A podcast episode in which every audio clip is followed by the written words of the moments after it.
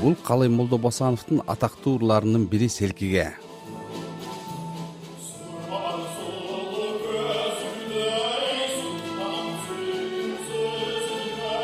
Калый молдобосанов сыяктуу таланттуу билимдүү адистер келгенге чейин кыргыз профессионал музыкасын башка улуттун өкүлдөрү жаратып жергиликтүү улут өкүлдөрүнөн адистер күтүлүп келген. Бул тууралуу кыргыз эл артисти мурдагы маданият министри түгөлбай казаков кеп салды.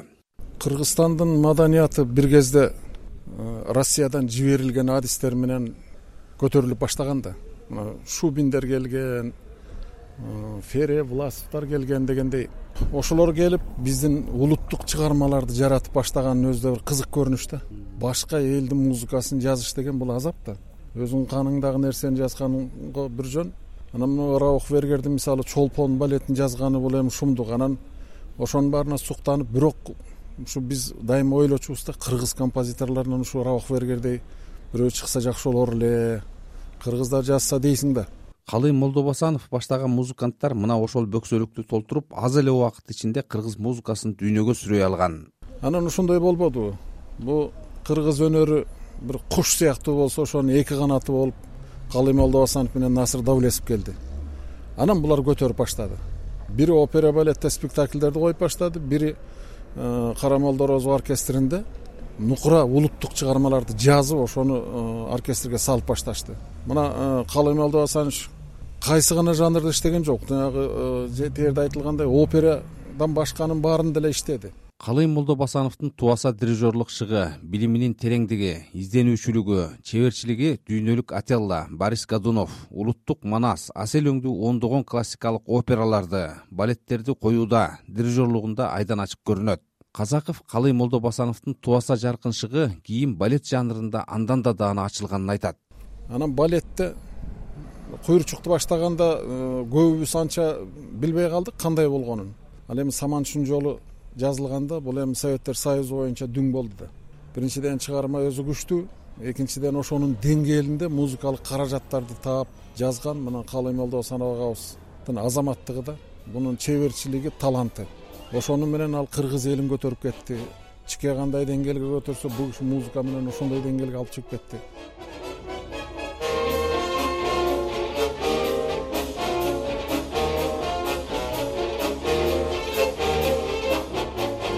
молдобосанов кыргыз профессионалдык музыкасынын тарыхында таптакыр жазыла элек чыңгыз айтматовдун саманчынын жолу повестинин негизинде атайы балет ораторияны кылым карыткан бир күн романынын маңызында маңгурт жөнүндө баян аттуу балетти жазышы кыргыз балетинин жаңы баракчасын ачкан.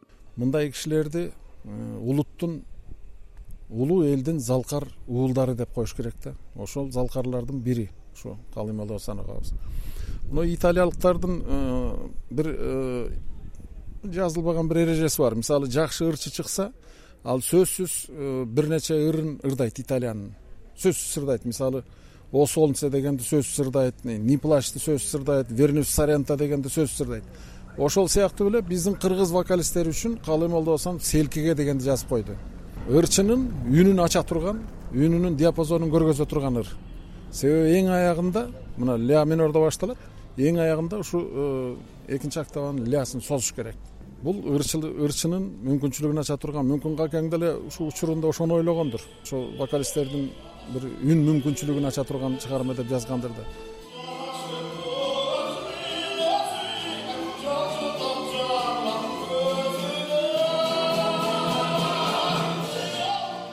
түгөлбай казаков калый молдобосанов селкиге менен катар жайлоодо. Өрттөнсүн бозой жалынга жыргалым белең сезимге аттуу ырларды да жазып бул чыгармалар кезинде угармандардын ырчылардын оозунан түшүрбөй ырдаган сүйүктүү ырына айланганын кошумчалады. Эл жазуучусу мар байжиев залкар замандашынын кыргыз музыкасына жасаган эмгегине мындай баасын берди. Эми чындыгында кыргыздан чыккан композитор залкар композитор десем жанагы кыздар балдар туура эле айтып атты айтматов адабиятта болсо музыкада кагем молдобосанов анан чындыгында бул залкар музыкант жанагы симфонияны өздөштүрүп балетти операны өздөштүрүп жанагындай эме чыгарганы албетте бул кыргыздын зор э, жарандарынын бири деп э, дайыма эсептейм. Жана ойлойм кыргыз элине журтуна чоң ошо эме таштап кетти.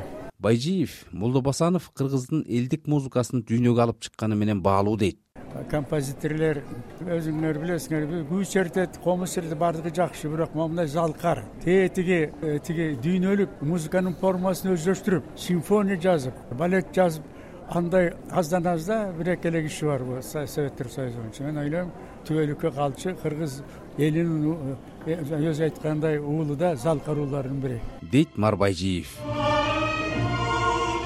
урматтуу радио көгөрмандар сиздер азаттыктын алгысынын жан дүйнө рубрикасын угуп жатасыздар. Бул жолу кыргыз классикалык музыкасынын тарыхындагы корифейлердин бири калый молдобасановдун чыгармачылыгы тууралуу сөз болуп жатат. Кызматыңыздарда мен зайырбек ажыматовмун калый молдобасанов бир миң тогуз жүз жыйырма тогузунчу жылы жыйырма сегизинчи сентябрда ак тала районунун терек айылында жарык дүйнөгө келген. Атасы кыргыз оозек адабиятындагы алыптардын бири чоң манасчы кыргызстандын эл артисти молдобасан мусулманкулов болгон. Бул тууралуу композитордун бир нече чыгармаларын ырдап келген. Залкар музыканттан таалим алган эл артисти сталбек алмазбеков кеп салып турду анан өзүңүз ойлоп көрүңүз канча поколенияден чыккан э, адам булчу оказывается э, молдобосановдун атасы дагы э, чоң комузчу сөзмөр укмуштай киши болгон экен. Анын атасы да ошондой болгон дейт да. Бул айтканы тиги ак талалыктардын айтышы боюнчачы. Ошон кээ бир айдат беш поколение кээ бир айдат алты поколение болгон ушундай булар укмушта болгон кишилер депчи. Ошону жыйналып жыйналып келип ошо молдобосановго келип түшкөн экен да баары теңчи опера ырчысы молдобасановдун устат катары өзгөчөлүгү менен бөлүштү. Эми бул киши деген бул биздин кыргызстанга бир келип бир кеткен киши да.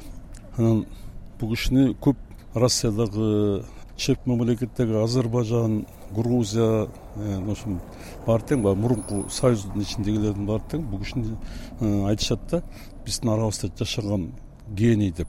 Анан бул киши менен мен сексен төртүнчү жылдан баштап э, бирге иштеп калдык да мен консерваторияны бүтүп келдим сексен үчүнчү жылы.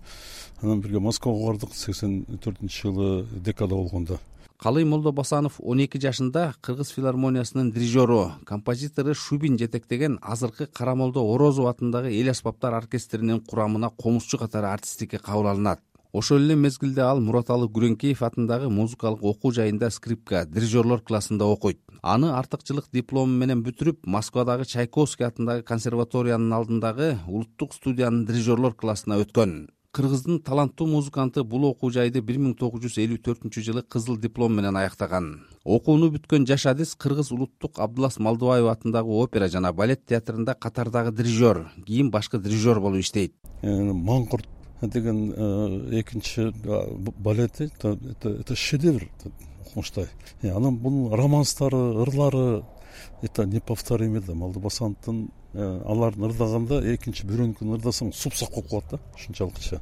Дейт сталбек алмазбеков калый молдобасанов дирижерлук пультка чыккан күндөн тартып балдар үчүн да түрдүү пьесаларды ырларды чоңдор үчүн лирикалык чыгармаларды романстарды вальстарды жазган. Мураталы күреңкеев атындагы музыкалык мектептин директору тентимиш мураталиев молдобасановдун чыгармачылыгына мындай баасын берди. Эми калый молдобасанов деген бул өзүнчө бийик руханий байлыгыбыздын туу чокусунда турган чыгармачыл инсан деп айтсам болот. Буну гений деп айткан эч эч бир эме уй албаш керек наоборот генийлигин билгизип жүрүш керек.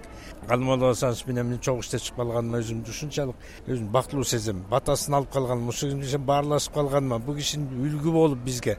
Бул эркектердин чыгармачыл эркектердин бир эталону болчу түгөлбай казаков калый молдобасанов жаш муун өкүлдөрүнө да адам катары үлгү эле дейт анан бул киши артынан келаткан муунга эмне таштап кетти? Мына опол тоодой музыкалык чыгармалардан тышкары бул киши бизге мырзалыкты көрсөтүп кетти. Майдаланбаган майда чүйдөгө аралашпаган биз кыргыз өзү интригага жакын. Ошондойдон алыс турган бийик турган анан чындыкты жашырып жаап калбай тиги эмне дейт бул эмне дейт дебей ошо түз бетке айткан түздүгүн калтырып кетти бизге. Биз бул кишиден да көп нерсени үйрөндүк. Молдобасановдун учурда эл ичинде айтылып жүргөн учкул сөздөрү да бар. Анан э, калый агабыздын юмору да жакшы болчу. Бир жолу өкмөттө отурабыз бир кайсы бир концертти уюштурабыз деп.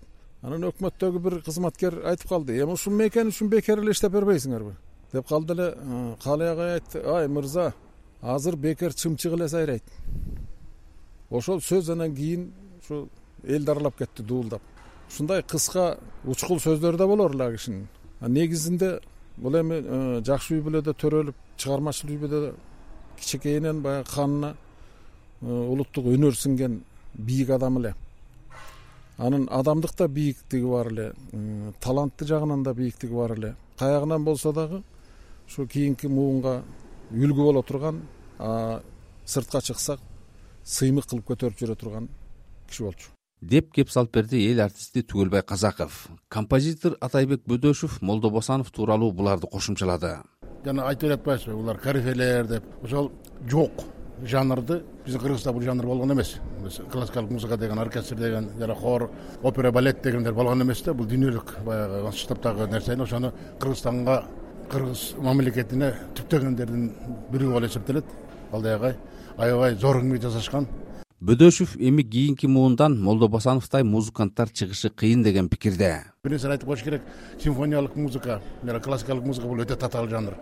Муну сактап калыш. Ошол мезгилде булар отуз кырк жылдап Э, акчаны аябай москвага ленинградка ар жерлерге барып кыргыздын таланттуу жаштарын алып барышып булатна жана бекер окутуп бекер багышып ошентип барып могу оркестрди түптөшкөн мына маданиятты түптөшкөн да. Азыр ошол кыйроо жолуна баратабыз да. Эгер бул кыйратып жоголуп кетсе ошону кайра ордуна келтириш өтө татаал нерсе мисалы мына түркмөнстан жоготуп алып тажикстан жоготуп алып кайра айланып кетип аябай кыйналышып кайра ордуна келтиришип атпайбы? Ал түркмөнстан жаман болот атат дейт атайбек бөдөшев кыргыз республикасынын эл артисти эстрдин эл артисти кыргыз республикасынын гимнинин авторлорунун бири калый молдобасанов эки миң алтынчы жылы жыйырма тогузунчу майда жетимиш жети жашында бул дүйнөдөн өткөн. Урматтуу радио каармандар сиздер азаттык үн алгысынын жан дүйнө рубрикасын уктуңуздар. Бул жолу кыргыз классикалык музыкасынын тарыхындагы корифейлердин бири калый молдобасановдун чыгармачылыгы тууралуу сөз болду радио берүүнү мен зайырбек ажыматов даярдадым жан дүйнөңүздөрдө дайыма тынчтык болсун.